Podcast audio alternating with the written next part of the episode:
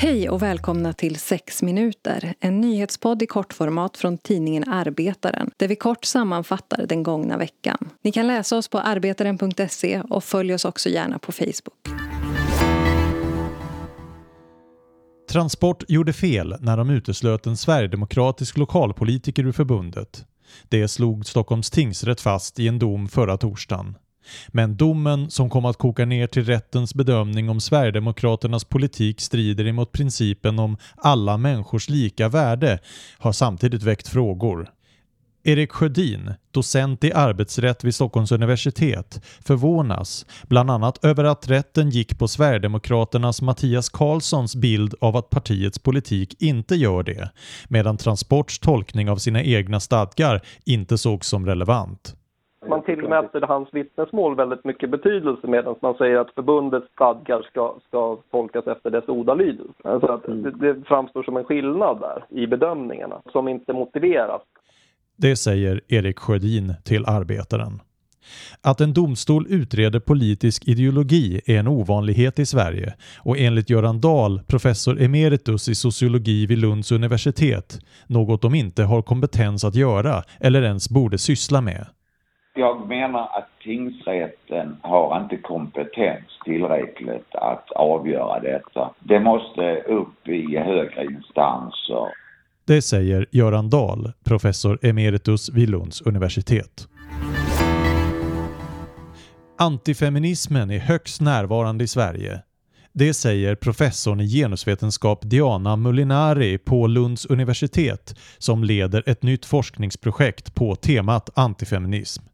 Projektet som beviljades medel av Vetenskapsrådet i förra veckan ska bland annat undersöka hur feminismen och kvinnokroppar definieras utifrån neofascistiska, konservativa, auktoritära och religiösa fundamentalistiska världsbilder. De eh, är väldigt duktiga på att översätta argument utifrån kontexten.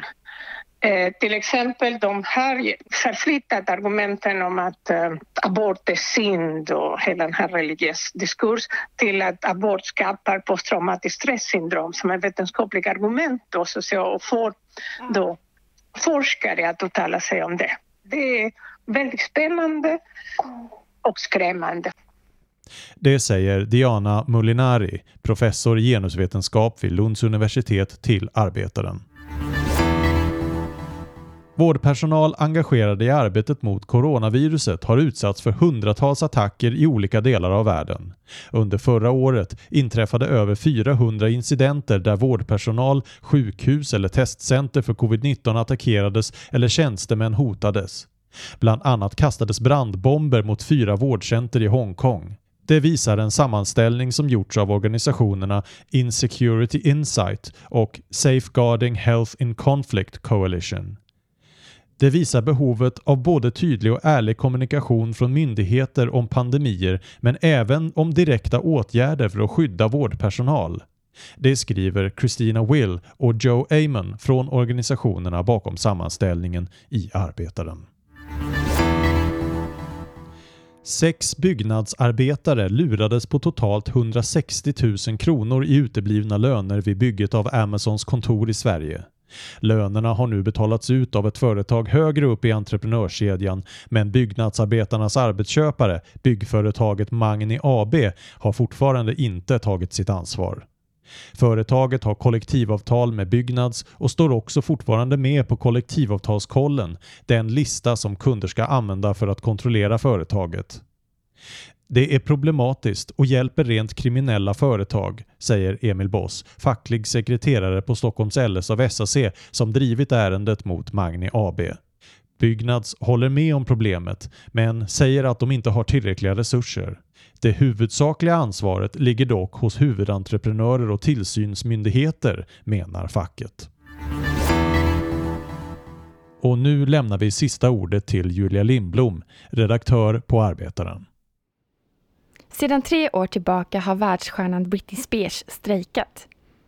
New York Times-dokumentären Framing Britney Spears, som just nu visas på TV4 Play, berättar om karriären, sammanbrottet och förmyndarskapet. Där hennes pappa sedan många år sedan är satt att förvalta hennes liv och ekonomi sedan hon omyndig förklarades. 2018 la hon ner arbetet. Hon slutade uppträda, enligt anonyma källor så länge som hennes pappa är kvar som förmyndare. Britneys strejk är förstås högst individuell och högst privat. Men den kollektiva akten att lägga ner arbetet är bland de kraftfullaste vapnen vi har. Kring den internationella kvinnodagen den 8 mars har de senaste åren diskussionen om strejk som feministisk strategi och vapen återkommit. I år fokuserade många av de feministiska strejkvarslen kring 8 mars runt om i Europa på omvårdnadsarbete. Coronapandemin har satt ljuset på vilka arbeten som är bland samhällets viktigaste och det reproduktiva arbetet har hamnat i blixtbelysning. Sjukvård, omsorg, barnomsorg med mera. På arbetaren.se hittar du all vår 8 mars-bevakning samlad och kan läsa flera texter som vänder och vrider på strejken som feministiskt vapen och strategi. Bland annat från Polens abortkamp och från 100 år av svensk historia och kvinnostrejker. Det återstår att se om Britney Spears arbetsvägran ger det resultat hon vill. Säkert är i vart fall att en välplanerad feministisk strejk inte är att leka med.